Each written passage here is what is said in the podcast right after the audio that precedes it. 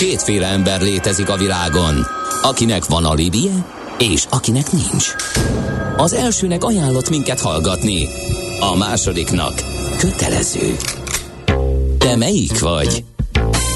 Millás reggeli, a 90.9 Jazzy Rádió gazdasági mapetsója. Ez nem animi, ez tény. A Millás reggeli fő támogatója a Superautomobil KFT, a Schiller Auto család Lexus Pest márka kereskedése Újpesten. Schiller Auto család. Autók szeretettel. Ö, jó reggelt kívánunk, igen. E, e ezt, a, ezt a kifejezést pont ezt kerestem. Igen, igen, értem, itt, volt, itt volt a nyelven végén megjött. Jó reggelt. Ez az, Szuper. így van. Ez a millás reggeli itt a 90.9 Jazzin, Ács Gáborral. és Gede Balázs. Aki megtalálta, azonnal és gyorsan. Ó, így is van. Hát azért a rutin és az évek. Igen, közben a üzenőfalunkat nézegettem, ott szemezgettem, mert hogy ugye közlekedési híreket kéne megosztani a kedves hallgatókkal, és mintha nem találnék. Azért mondom, hogy mintha, mert ugye előfordul az, hogy mm, teszem azt, ez egy 3-4-8-as, és közben jönnek egyéb infók, és elfedik, de lehet, hogy nem küldtek. Mindegy, keresünk valamit.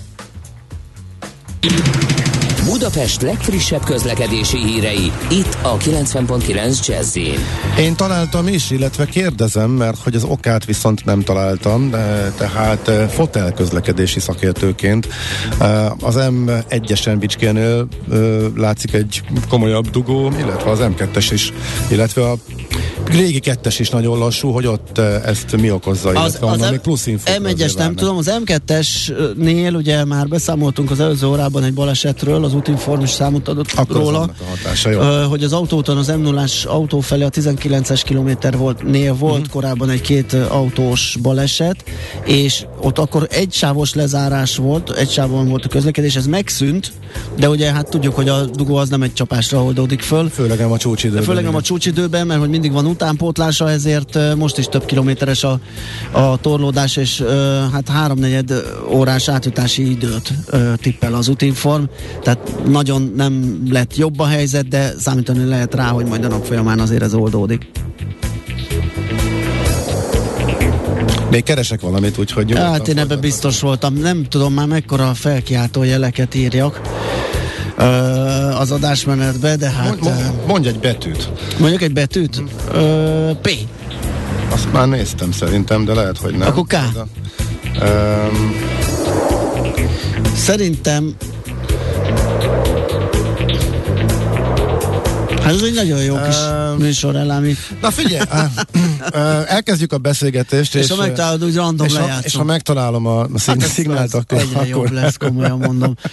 Na, Na mindegy, itt a lényeg az, hogy... A lényeg az, hogy itt van önünk dr. Magyar Csaba okleveles adószakértő, a Crystal Worldwide ZRT vezérigazgatója. Szia, jó reggelt! Jó reggelt, sziasztok! Folytatjuk ezt az, ezt az online pénzügyi adótanácsadói irodát, kinyitottuk az ajtókat, szélesre tártuk. Elég nagy a listánk, Csaba, de jött egy hallgatói kérdés, előre vehetjük é. Természetesen. Azt írja nekünk, vagy kérdezi, hogy angliai cég Magyarországon tartózkodó magyar illetőségű igazgatója melyik államban adózik? Hm attól függ ugye, hogy milyen juttatást kap a cégtől, ugyanis abban az esetben, hogyha egy angol cégnek magyar ügyvezetője van, akkor abban az esetben ugye ezt elláthatja munkaviszonyban is, és abban az esetben, hogyha a munkát Magyarországon végzi folyamatosan, akkor abban az esetben a magyar szabályok lesznek a munkabérre érvényesek. Viszont abban az esetben, hogyha ő ezt megbízási jogviszonyban látja el, és úgymond egyfajta stratégiai irányítást lát el, tehát nem a napi munkavégzésben vesz részt, akkor abban az esetben uh, Angliának van adóztatási joga, és ezeket a jövedelmeket általában Magyarország mentesíteni szokta az adóztatás alól. Tehát nem mindegy, hogy milyen jogcímen hogyan kapja Angliából azt az igazgatói díjazást, azzal a zárójeles megjegyzésemmel, hogyha egy angol cégnek magyar ügyvezetője van és Magyarországról irányítja a céget, akkor hiába van Angliában beegyezve az a mhm. társaság, uh-huh. akkor abban az esetben magyar adózónak minősíthetik Magyarországon, hiszen a nemzetközi adózásban és az adóegyezményben is alapelv, hogy a társaság ott minősül adózónak, ahol a tényleges irányítás történik. Aha, világos. Na jó, köszönjük szépen, akkor rákanyarodunk a listánkra, és vissza... Hát előbb szerintem nyissuk. Ja, adjuk meg a módját. Adjuk meg a módját. Nagyon jó, egy negyed órával kezdés amúgy, utána amúgy, Az N, N lett volna a helyes megfejtés, Értem. majd legközelebb emlékezzünk rá. Figyelem! A nemzetközi helyzet egyre fokozódik. Ne közlekedj üzleti szemellenzővel a nagyvilágban. Aki napra kész és szemfüles, az megtalálhatja a lehetőségeket nemzetközi környezetben is. Cégstruktúrák, adótervezés, adóegyezmények és vagyonvédelem. Ebben segít a Nemzetközi Vagyontervezésről kristálytisztán. A Millás reggeli pénzügyi panoráma rovata. Na, ami már javában zajlik, ez csak a rendkedvény. Jó reggelt! Jó, reggelt! reggelt üdvözlünk! Így is van, doktor Magyar Olyan Csaba. volt a kezdés, mint egy amerikai blockbusternél, nem? Hogy lement egy jelenet, Igen, igen. Így tervez. Abszolút, ennyire modern, ez így most van. az új irányzat, tehát fölvettük. Így volt a... benne egészen pontosan adásmenetben, csak úgy csináltunk, mint hogy... is így csináljuk. Jó, jó, oké. Okay. okay. Na, akkor folytatjuk a kis listánkkal, ugye, mert hogy egy ilyen adás már volt legutóbb, csak olyan ö, hosszúra nyúlt a listánk, hogy egyszerűen nem tudtuk feldolgozni. Most is megvan ez a veszélye, nem rövid, de hozzáfogunk. Visszakanyarodunk a kriptóvilágba, pontosabban a blockchain világába, mert hogy a múltkori adásban beszélgettünk a kriptovaluták adózásáról, most viszont egy másik blockchain termék, az NFT ö, került terítékre, vagyis hát azt nézzük meg, hogy azok érték értékesítése az, az hogyan adózik, vagy az azon elért nyereség hogyan adózik? Mielőtt ugrunk egy virtuális indián fejeste kriptotengerbe, érdemes egy gondolatsort áldozni magának az NFT-nek, mert szerintem ebben van a megfejtés kulcsa, és az NFT egyfajta elektronikus eredetiség igazolással rendelkező digitális tartalom vagy alkotás, és ugye ez a digitális tartalom lehet egy művészi értékkel bíró grafikai ábrázolás, GIF, mém, de akár egy e-mail is. Már ugye sokan támadják az NFT-t a művészi érték hiánya miatt, de most abban nem menjünk bele, hogy hol kezdődik a művészeti értéke ezeknek, de materiális virágban is láttunk már számos példát arra, hogy körbe csodáltak egy feketére festett vásznat, úgyhogy ebből a szempontból szerintem mind a két világnak van mit a szemére vetni, de visszatérve, ugye a digitális alkotásnak az eredetiségét a blockchain technológia biztosítja. Igen. A digitális tartalomnak ugye van egy eredetiség tanúsítványa, az maga a token, és az értékesítés is a tokenen keresztül történik. De ugye miért lényeges az adózási szempontból? Ugyanis az SZIA törvénye múltkor beszélgettünk róla, hogy bevezette a kriptoeszközzel végrehajtott ügyletből származó jövedelmet, mint külön adózó jövedelmet 15% személyi jövedelemadóval, viszont szocót nem kell fizetni érte. Viszont ugye egy fontos kérdés, hogy mit tekintünk kriptoeszköznek, amivel végrehajtják az ügyletet, és a jogszabály definíció úgy rendelkezik, hogy kriptoeszköznek minősül az érték digitális megjelenítője, amely megosztott főkönyvi technológiával elektronikusan tárolható, átruházható. És az én megítélésem szerint az NFT belefér bőven ebbe a meghatározásba, hiszen érték digitális megjelenítője, másrésztről pedig ugye megosztott főkönyvi technológia alkalmazásával lehet értékesíteni, átruházni, tárolni.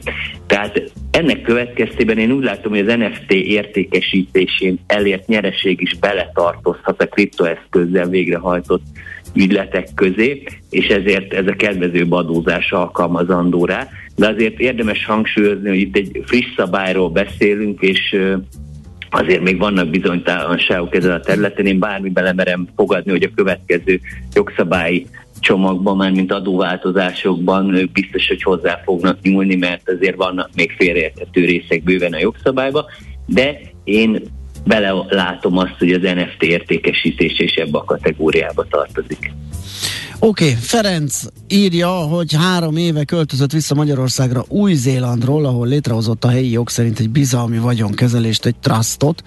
A bizalmi vagyonkezelő bizonyos időközönként juttatást fizet nekem, mint kedvezményezetnek. Hogyan kell ezek után Magyarországon adóznom? Akkor ez a létrehozott egy egy bizalmi vagyonkezelést az azt jelenti, hogy vagyon elemeit bizalmi vagyonkezelőre bízta, ugye? Ezek szerint, és onnan kap juttatást. Aha.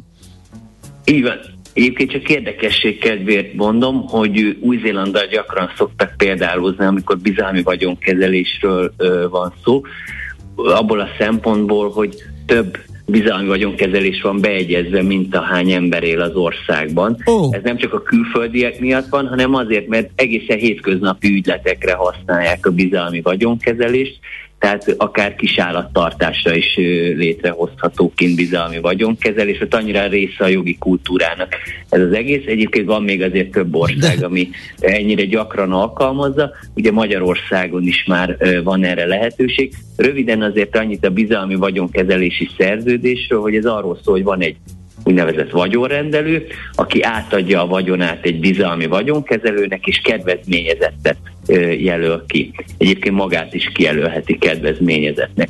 Ugye más országokban is ismeretes ez a módszer, nemzetközi szinten trustnak szokták nevezni, noha nem jelenti azt, hogy teljesen ugyanazok a szabályok egy másik országban, mint Magyarországon, de a koncepciójában általában hasonló dologról van szó. Viszont ami érdekes, hogy polgári jogi szempontból Magyarország hivatalosan nem ismeri el a külföldi bizalmi vagyonkezelést, ugyanis van egy nemzetközi egyezmény erről, amely nél ehhez a részhez nem csatlakozott Magyarország. Viszont ez nem jelenti azt, hogy adózási szempontból is figyelmen kívül hagynák ezt Magyarországon, ugyanis volt már hasonló esetem más külföldi bizalmi vagyonkezelés ügyében, ahol meg is kérdeztük az adóhatóságot, hogy hogyan járjunk el egy külföldi bizalmi vagyonkezelés esetén, és ezt az adóhatóság azt az álláspontot erősítette meg, hogy a külföldi bizalmi vagyonkezelés esetén is, hogyha magyar fél részére juttatnak, a vagyonból, akkor ugyanazt a szabályt kell alkalmazni, mint hogyha egy magyar bizalmi vagyonkezelőtől származna a kifizetés. És ugye ilyenkor különbséget kell tenni azt szerint, hogy tőkét vagy hozamot fizet ki a bizalmi vagyonkezelő. Ha tőkét fizet ki, ez az induló vagyont jelenti a tőke, akkor abban az esetben ajándékozási illeték merülhet fel. Ilyenkor azt kell nézni, hogy a vagyonrendelő és a kedvezményezett milyen kapcsolatban vannak egymással, és ugye a magyar illetéktörvény szerint, hogyha ugyanaz a személy, vagy egyenesági rokon, vagy házastárs, vagy testvér, akkor nem kell illetéket fizetni, minden más esetben meg ugye ott van az ajándékozási illeték. És ugye még egy gondolat, a hozam esetében, ugye amit a kezelt vagyonban termel a bizalmi vagyonkezelő, a hozamnál úgy kell eljárni, mintha osztalékot kapna, a kedvezményezett, tehát ez egy vélelmezett osztalék ilyen esetben, uh-huh. és a hagyományos magyar szabályok alkalmazandóak, tehát 15% esziát kell fizetni utána, valamint van szocó, viszont az csak felső korláttal kell ilyenkor fizetni. Világos. Mindjárt megyünk tovább, nem akarom sokáig húzni az időt, de ez a kisállat bizalmi vagyonkezelés felkeltette a fantáziámat. Tehát, hogyha rábízom a vagyonkezelőre a macskáimat, és feldobom a pacskát, akkor nekik gondoskodniuk kell a cicákról? Vagy hogy kell ezt elképzelni? Ez a gyakorlatban általában úgy szokott kinézni, hogy például vagyont is adhatsz bizalmi vagyonkezelésbe, a, és annak a vagyonnak a kedvezményezettje Hú, a kisállat, a macska. vagy van arra is lehetőség, ugye így van, hogy az állatot is bizalmi vagyonkezelésbe ad, de ezt jellemzően halál esetére szokták meghagyni tehát, hogy én átadom a kisállatomat abban az esetben, hogyha meghalok egy bizalmi vagyon kezelő részére, és akkor ő jár el helyette. Na, majd van, bocsánat, jellem, jellemzően mit szokott csinálni a titusa az örökölt pénzzel? Elherdálja. Hát ez egy nagyon jó kérdés. Volt talán egy amerikai film még régen, ez a világ leggazdagabb Igen. macskája, Igen. hogyha utána néztek, és ott is egy ilyen hasonló témakör dolgoztak föl, úgyhogy ezért a kis kedvenceknek a titkos élete az néha jól is tud alakulni.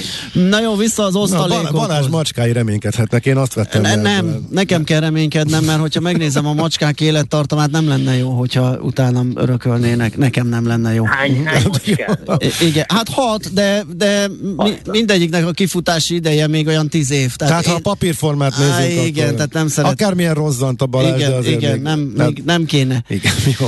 Vissza az osztal... Hát én is szívesen ellátom a bizalmi vagyonkezelő funkciót, csak majd adás után beszéljük meg, hogy mekkora kezelt vagyon, Jó, okay. amit a macskákra lehetne okay. hagyni.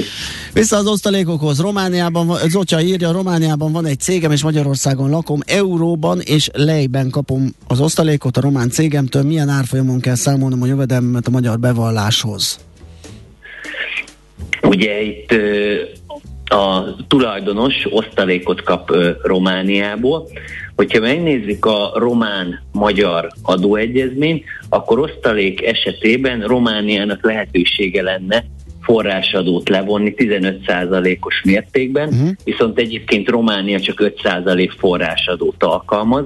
Ez azt jelenti, hogy Romániában 5% adót le kell vonni az osztalék kifizetésből, és ennek megfelelően Magyarországon még maradt 10% fizetendő adó, hiszen beszámíthatja a Romániában megfizetett 5%-ot, viszont azt ki kell egészítenie, ugye 15%-ra a magyar szabályok szerint, ugye ugyanúgy 15% lesz az SZC, bocsánat, a 10% lesz az SZC, amit fizetni kell utána, valamint szociális hozzájárulási adó, de felső korláttal. Viszont ugye a fő kérdés arra irányult, hogy hogyan kell az adót bevallani, megfizetni. Ugye a magyar szabályok szerint a jövedelmet is, meg az adót is forintban kell megállapítani, tehát nem írhatom be az SZIA bevallásomba, hogy ennyi lejt, vagy eurót, vagy bármilyen más devizát kaptam.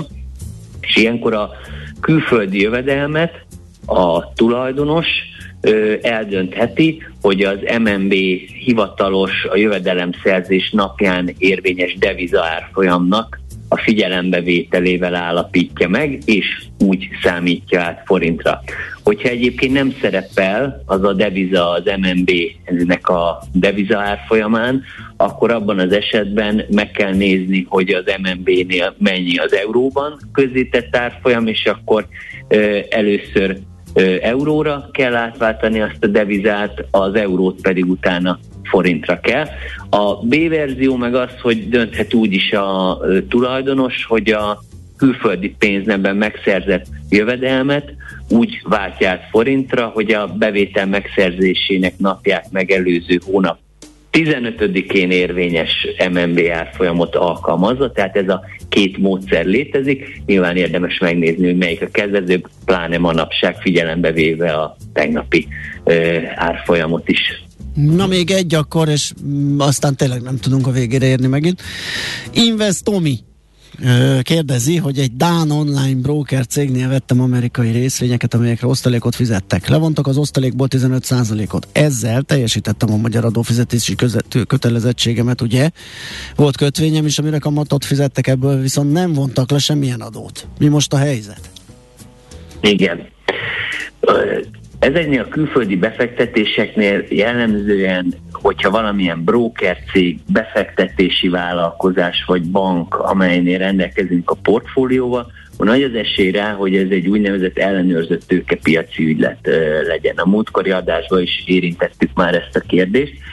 Viszont nem mindegy, hogy mi minősül ellenőrzött tőkepiaci ügyletnek, hiszen jellemzően ide tartoznak azok a szolgáltatók, amelyek európai gazdasági térségben vannak beegyezve, illetőleg olyan országok, amelyel a Nemzeti Banknak van információ cseréje, meg Magyarországnak adóegyezménye is, de azért ilyen klasszikus helyszeg, például Egyesült Államok is ebbe a kategóriába tartozik, és hát értemszerűen a kérdésben szereplő Dánia is EGT tagállamnak minősül, tehát ez azt jelenti, hogy ha ottani pénzpiacon valósult meg az ügylet, akkor abban az esetben ellenőrzött tőkepiaci ügyletnek fog minősülni, és éppen ezért az SZIA bevallás szerint is ugye ez ellenőrzött tőkepiaci ügyletnek fog minősülni, amely után ugye 15% lenne az SZIA, szocó nélkül, viszont már levontak kint 15%-ot ebből az osztalékból, tehát hogyha megnézzük az adóegyezményt, ugye ez amerikai ö, részvények voltak, akkor abban az esetben ugye Magyarországon már nem keletkezik SZIA fizetési kötelezettség, mert meg beszámíthatom a külföldön megfizetett 15% SZIA-mat, viszont szocó fizetési kötelezettség mindig lesz utána. Világos. És ugye hát ez akkor szép, még csak bonyolult. Kamat... Még bonyolultabb is a igen. rendszer. Így, igen, ami, ami érdekes, hogy a kamat viszont nem tartozik bele ebbe az ellenőrzött tőkepiaci ügylet kategóriájába, kihagyták a kamatot. Az osztalék, árfolyam, nyereség, devizaátváltásuk ebbe a kategóriába tartoznak, de a kamatot külön kell kezelni, viszont a jó hír az, hogy nem eredményez ez adózási szempontból nagyobb kellemetlenséget, nem mondták le a kamat után külföldön az adót, ezért nincs is mit Magyarországon beszámítani, úgyhogy klasszikus módon a magyar szabályok szerint a kamat után lesz 15% SZIA, viszont szocót ugye nem is kell fizetni a kamat után, amit elért. Hát ez remek. Óriási Tehát ember legyen a talpának. nem? Az osztaléknál, az osztaléknál pedig pont fordítva, Igen. mert ott már levonták, az nincs, de a szocholva még itthon vonulhatok külön a kasszához. Óriási. Jó, hát két izgalmas kérdés kimaradt, meglátjuk, hogy vagy folytatjuk, vagy valami aktuális hírre elmegyünk tovább a következőben, és a maradék... Mint az esküvőknél, hogy akinek van még valami észrevétele, az mondja most, hogy hallgass el mindörökre. Így van, így van, így van. Mert sose jutunk túl a kérdéseken, ami nem baj egyébként. De az nem. Mindig, lesz, mindig lesz kérdés. Nem, tök jó, mert ezek ilyen életszerűek. Ilyen blokkot. Igen, rendben. Csaba, nagyon köszönjük, szép napot! Nektek is, szia! Szia!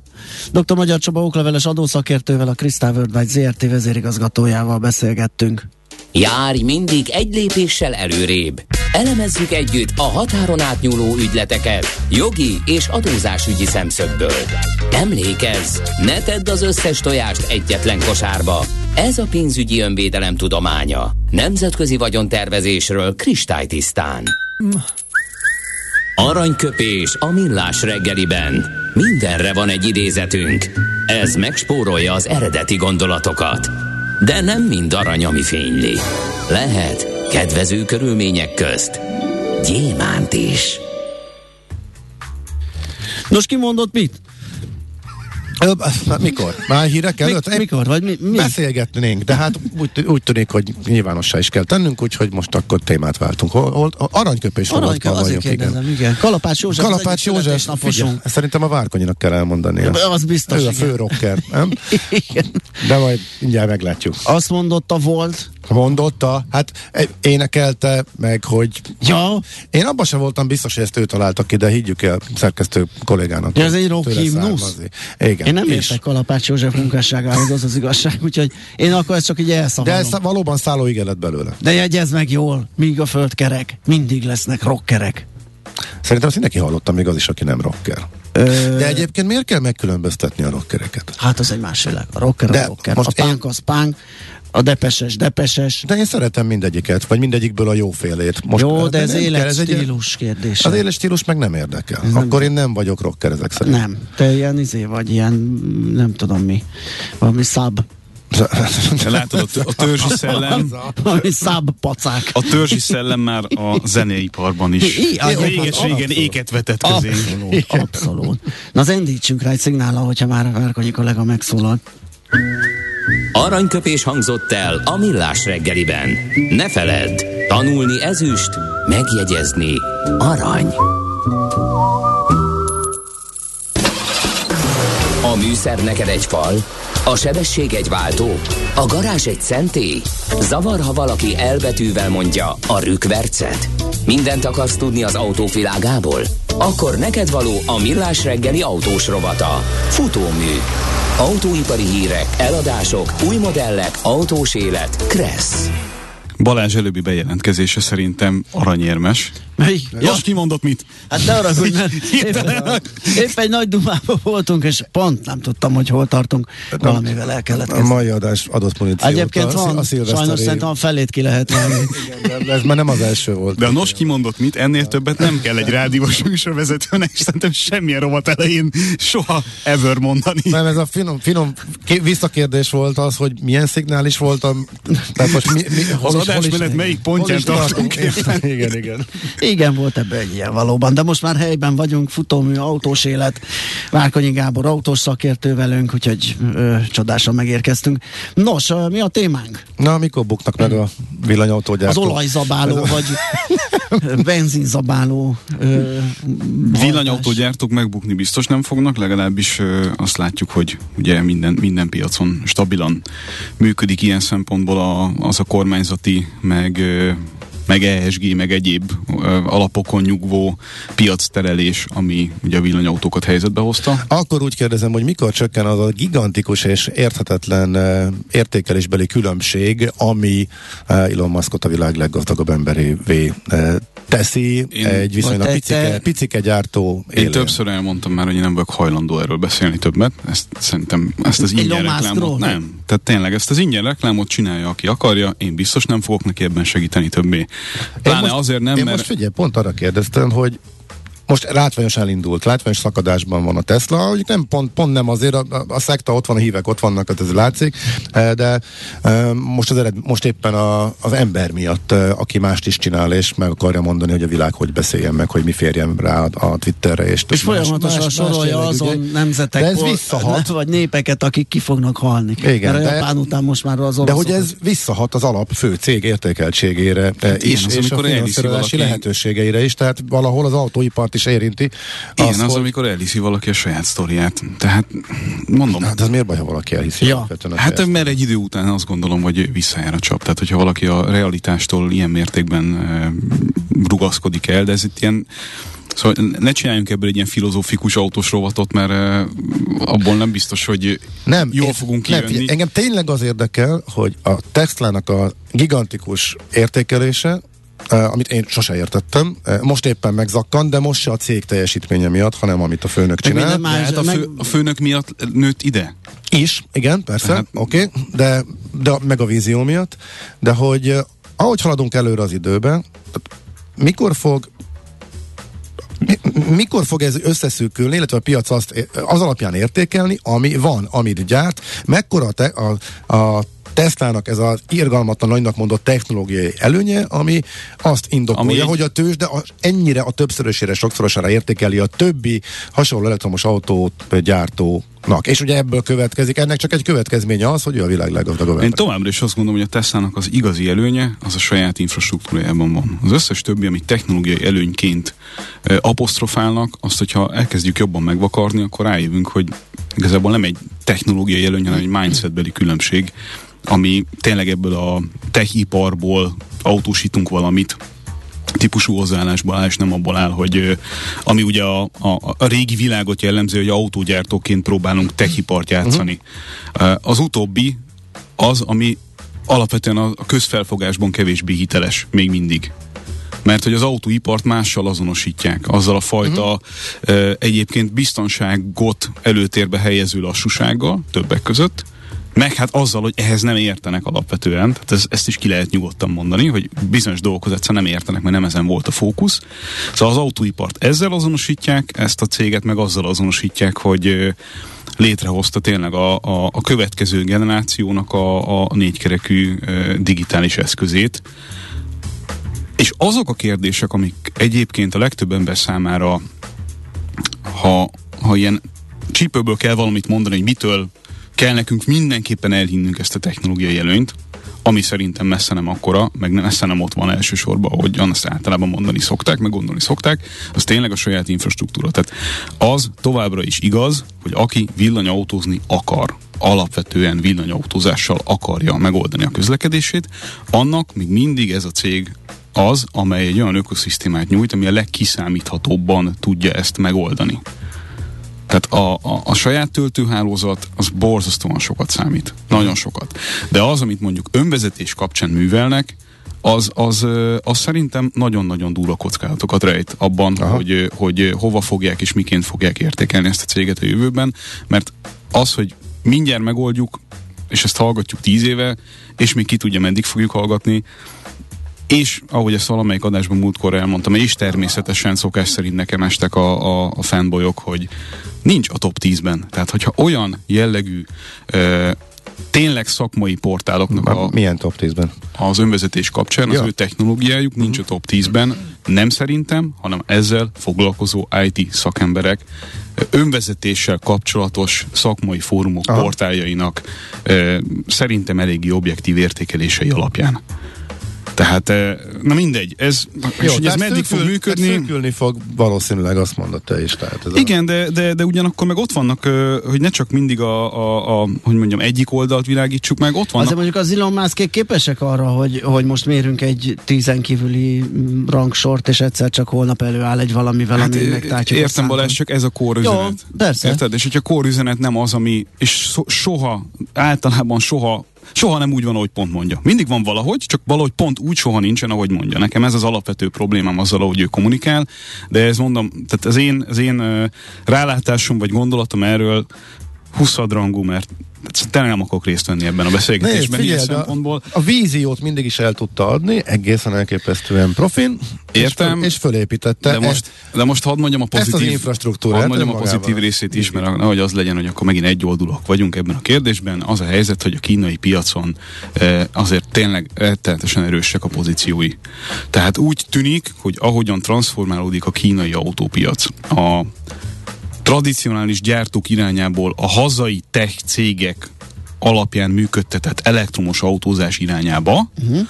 úgy az import per részben nyilván helyben is termelő, de alapvetően külföldi cégként azonosított cégek közül egyedül a Tesla az, ami az átlag kínai vásárló szemszögéből nézve egy olyan e, kívánatos tech történetet ad el az autózásban, amire a következő generáció, aki autót akar vásárolni Kínában, affin is miközben, miközben a hagyományos gyártók termékeire nem az. De miért a sokkal drágább Teslát veszi, hogyha van otthon neki teljesen jó minőségű kínai Ne így, ne így tett fel a kérdést, hanem úgy tett fel a kérdést, hogy tíz év múlva, amikor elkezdték, e, sőt, amikor már befejeződött az első fázisa annak, hogy a nagy gyártókat elkezdték kiszorítani, a nagy külföldi gyártókat elkezdték kiszorítani a hazai piacról, akkor ki fog tudni még megmaradni és pénzt keresni. És e, ha ezt az egészet lehet úgy keretezni, hogy egyébként a Tesla félig meddig egy helyi gyártónak fog számítani, uh-huh. ahogy az elő előző három évtizedben félig meddig helyi gyártónak számított mondjuk a Volkswagen, sőt, igazából azt számított a helyi gyártónak addig, Igen. amíg nem nőtt föl a, a, az ottani konkurencia, akkor ez egy rettenetesen durva piacot fog jelenteni a jövőben, ahol van bőven növekedési potenciál, meg pénzkereseti lehetőség. Ugyanakkor azt is látni kell, hogy azért a kínai kormányzattal, meg a kínai kommunista párttal egybefonódni ebben a kérdésben egy meglehetősen veszélyes üzleti modellt jelent. Mert hogyha kiesel a kegyeikből, már pedig egy ilyen nehezen kontrollálható figura, mint ő, simán mondhat néha egyszer, egyszer olyat, ami alapján el tudja veszteni a kegyeket, akkor, akkor az súlyos kihatással tud lenni az üzletmenetre. Ezt látom uh-huh. én inkább egy ilyen jövőbeli dolog, vagy jövőbeni kockázatnak, és a villanyautózás kapcsán meg hoztam azt a hírt, amit elméletileg remélem, hogy megkaptatok, ami arról szól, hogy mennyivel csökken az olaj fogyasztás a villanyautók hatására, és ez a hír valami bombasztikus, ugye arról szól, hogy mindjárt mondom a pontos számot, Bloombergnek a, a, az analízise ez 3,3%-kal csökkent másfél millió barrellel a, az olajfogyasztás a per világon per nap. Igen. És ez azért izgalmas, nem akarok nagyon bele bonyolódni, de ez azért izgalmas, mert a, mert a hír, hogyha először nézed, az azt jelenti, hogy a, a világ összfogyasztása csökkent ezzel, de hát ez távolról sincs így, hanem ami a közlekedésre, igen, tehát igen, a közúti igen. közlekedésre fordított dolog, az csökkent 3,3%-kal globális a helyére léphetett a mínusz 3,3-nak, pusztán a gazdasági növekedésből eredett többletkereslet. Ez az, az olajár folyamán látszik, tehát ez nyomot hagyott volna nyilván, így hogyha van. ez az egészre ható té, ö, valami lenne, ö, de nem. Igen, és ami egyébként még izgalmasabb. Mondjuk azért nem rossz ez a szám. Tehát nem, azért... de egyébként, egyébként azért, azért a, a, a, az arányok nagyjából tükrözik azt is, ahogyan ugye arányaiban az állományban elkezd növekedni az elektromos autó hányad. Igen. De, és akkor itt jön a de, ha jobban belemegyünk a számokba, akkor az a helyzet, hogy az igazán nagy megtakarítás, az kérlek szépen a, az ázsiai elektromos rollerekből fakad. és nem az autókból. Az autók is természetesen hozzátesznek ehhez, de a, a, a csökkenés legnagyobb része az ázsiai elektromos, elektromos motorok ö, olaj nem fogyasztásából fakad. Tehát rollerre pattaltak az emberek? Elektromosra. Elektromosra a motorról? Igen.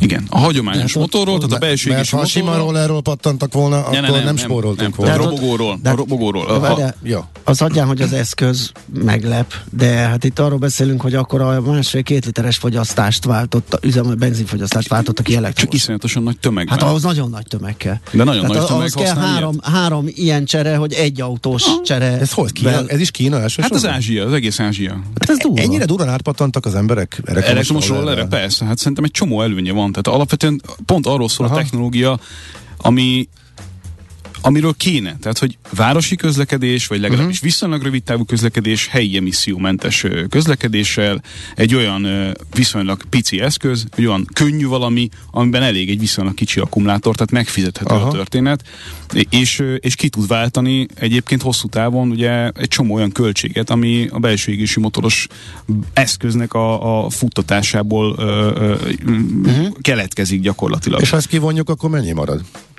A, az Már elektromos... roller nélkül Ezt lehet, lennék. nem számolták a, A, a megtakarításból az elektromos autó, tehát az elektromos személyautó, az 13 százalék.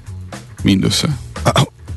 Ennyire pici. Igen, Így de van. itt mondjuk elektromos buszokat is be Így kell van, az meg a második. kalkulálni, ami meg ugye magas fogyaszt, tehát ott meg a cserearány uh-huh. pont éppen az ellenkezője a rollernek, meg mopednek. Tehát Tehát, a 3,3 százalékből 67 megy az elektromos mopedeknek a, a javára. hát ez akkor is nagyon kemény. Brutális. Sose gondoltam. volna. 16 az elektromos buszok, Aha. és csupán 13 százalék az elektromos Hm. személyautó. És engem ez azért érdekelt rettenetesen, mert ugye újra és újra lehet hallani ezeket a szövegeket a, arról, hogy az olajlobbi miért nem akadályozza meg a villanyautó terjedését. Ugye ez a mind a két szekértábornak vannak ezek a, ezek a legendái. Mindenkinek van mindenféle lobby. Mindenféle lobbija, így van. Gyógyszerlobbitól kezdve, minden lobby. aki ugye nagyon-nagyon gyűlöli a villanyautókat, az ugye azt szokta feltenni kérdésként, hogy miért nem akadályozza meg a, a, a illetve, hogy majd, majd meg fogja akadályozni.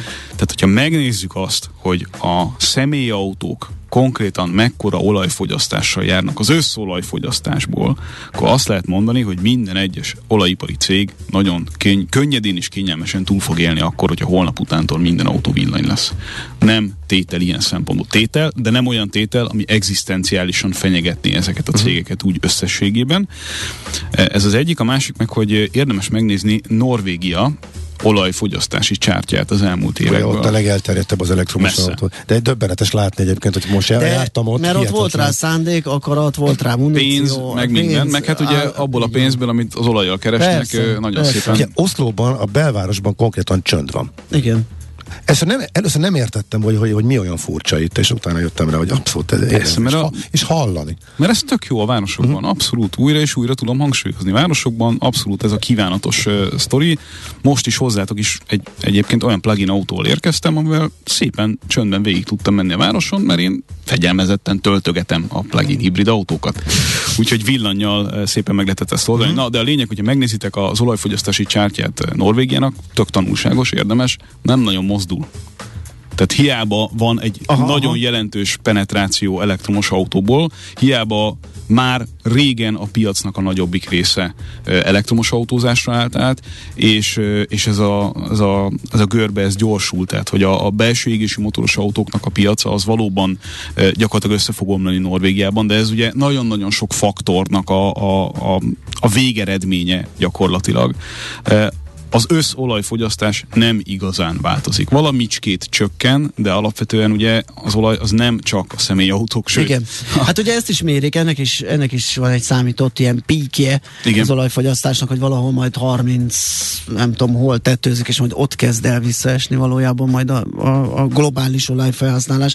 Tehát igen, megsporolunk az egyik oldalon, az másik oldalon bejön ö, növekedési oldalról, vagy, vagy új gyártás, vagy, vagy, vagy bármi, vagy logisztika, problem hajózás. Hajózástól kezdve, így van, de hát ugye mindenhez kell. Tehát hogy a, mind, a műanyagtól kezdve a gyógyszeriparon át mindenhez kell. Szóval, akit egyébként ez érdekel, meg az, az is érdekli, hogy mennyit lehet ezzel az egészen a nap végén spórolni, annak nagyon ajánlom a teljesen egyszerűen szabadon kutatható forrásokat ezzel kapcsolatosan. És akkor hoztam még nektek egy hírt, illetve kettőt, de egy hír, ami különösen fölkeltette a figyelmet. Ugye sokszor beszélgettem veletek arról, hogy a beszállítóknak a kezelése az mennyire alapvetően meghatározza azt, hogy mennyire tud egy autógyártó összességében megbízható termékeket összerakni. És Ugye arról is sokat beszéltünk az elmúlt időszakban, hogy mennyire egy pervers helyzet az, hogy miközben a, a gyártás volumene nagyon jelentősen esett az elmúlt két évben, miközben alapvetően egy ilyen gazdasági nehézségekkel teli időszakot élünk, a kereskedelem és a gyártói eredmények is alapvetően soha nem látott magasságokban vannak egyetlen egy szektor Csak a fogyasztó ki, fázik rá. A fogyasztó ráfázik, meg ennyi. egy szektor marad ki ebből a buliból, a beszállítók szektora. Mindössze. Akikkel ugye a, a tárgyalások elején szépen le lehetett nyomni a torkukon ugye ezeket a, ezeket a rendkívüli uh-huh. helyzeteket, azzal a címszóval, hogy akkor spóroljunk még egy kicsit, és akkor adjátok még olcsóbban egy kicsit a dolgokat. És van egy olyan évente elvégzett ö, felmérés az Egyesült Államok autóiparában, ahol több mint 400 ö, egyes beszállítónak a menedzserét kérdezik meg arról, hogy mely autógyártóhoz milyen viszony, meg milyen, milyen ö, percepció fűzi őket, tehát hogy mit, mit tapasztaltak az elmúlt időszakban mondjuk a, a, az ő bevásárlóik részéről, mennyire tekintik őket partnernek, vagy mennyire tekintik őket egy olyan citromnak, amit addig lehet facsarni, ameddig még van benne egy pici. És a, a sorrend az elején azoknál az autogyártóknál, amelyeket kedvelnek a beszállítók, tehát ahol azt érzékelik, hogy hosszú távú partnerséget és problémák együttes megoldását lehet annak érdekében összehozni, hogy mindenki azt kapja, amit, amit szeretne ettől a partner partnerségtől. Szóval ennek, a, ennek az elején a Toyota, a Honda és a GM áll az Egyesült Államok, vagy hát az észak-amerikai autópiacon.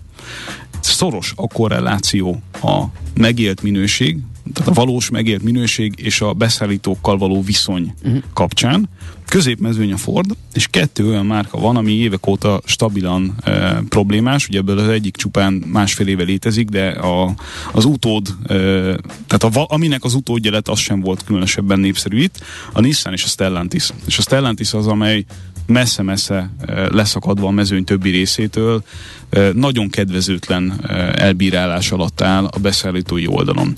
És ugye meséltem nektek néhány hete, vagy lehet, hogy már van két-három hónapja is, hogy kijött egy új beszállítói szerződés, amit egyoldalúan módosítottak a Stellantis részéről a, a, a hosszú távú beszállítói kapcsán, amely arról szólt, olyan elképzelések voltak benne, hogy bármennyit, amennyit meg tudnak spórolni egy alkatrész kapcsán, annak a megspórolásnak a teljes részét azonnal át kell adniuk a gyártónak. Oh. Tehát te, mint beszállító, szépen bütykölsz, hogy valamit kihozzál egy kicsit jó. jobban, de amit ebből te nyersz, azt létszes azonnal nagyon erős, nagyon erős motiváció ez, igen, Így a van. fejlesztésre. Aha. Így van, ez az egyik. ha most vállalkozást indítanék, Ó, csak, csak ebbe ilyen. a szektorba csak tenném a pénzem, igen. úgy érzem. A, a másik, a másik, a másik, ami hasonlóan erős sztori volt, hogy bármi, amiben beszállítasz, ott hosszú távon köteleznek arra, hogy XY vagy Z modellnek a további, tehát az utód modelljeihez is adnod kell az alkatrészt, ha Aha. tetszik, ha nem, azért a pénzért, amire elkezdted nagyjából. Így, így nézett ki. Hát ez egyik tehát, jobb, tehát, a másik. Ez hát tényleg... miért, nem, miért nem már ingyen?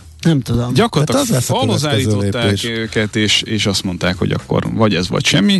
Nyilván... Ennyi, de ennyire fölborultak a tárgyalási pozíciókat, nem? Nem, tehát nem mondhatja azt, hogy nem. Hát akkor neki, neki, neki nem lesz alkatrész. Tehát azért valahol ezt, ezt, ezt vég, végsőkig ezt nem lehet Ez tolni. így van. Tehát ez, ez hát nem egy... ki vannak szolgáltatva a gyártók, a beszállítók. Abszolút, ez nem egy okos megoldás, hogy, hogy így állnak neki.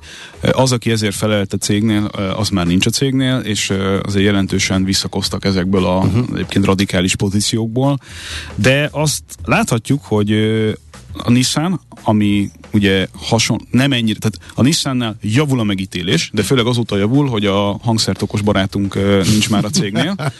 Ugye őt arról lehetett ismerni, hogy pontosan ezeket a praktikákat uh-huh. alkalmazta Carlos Ghosn a beszállítóival szemben, tehát az a, az a piaci erő és az a növekedés, az a profit növekedés, ez nagyon sokszor ment a beszállítók kárára. És mind a két cégnél egyenes arányban ott van a hosszú távú megbízhatósággal kapcsolatos uh-huh. statisztikában, statisztikailag jól kimutatható probléma az észak-amerikai piacon. Tehát látszik, hogyha túltolod a bringát, akkor az nagyon komoly minőségi problémákat fog okozni hosszú távon, mert egyszerűen a beszállítók úgy lesznek vele, hogy téged fognak utoljára kiszolgálni. Fogyasztóként azt mondjuk, hogy hason is vissza, és helyre rakja helyre Igen. a piac, akkor... Igen, csak ugye ezek, ezek tök érdekes dolgok, hogy a menedzseri szemlélet értelmében azt láthatod, hogy itt azért gyorsan lehet látványos eredményeket mondjuk egy fél modern generáción belül elérni. Tehát két-három-négy éven keresztül... Csak hosszú távon meg visszahat, igen, és... És ugye van az az aranyszobály, hogy kétszer, két és félszer hosszabb idő újra uh, rakni az alapokat, Hát és a klasszi- klasszikus problémához jutottunk, hogy a tőzsde viszont negyed évente várja az eredményt, és a bónuszod is uh, évről évre ettől függ, hogy neked produkálnod kell. Úgyhogy uh-huh. nem, nem, nem egyszerű ez.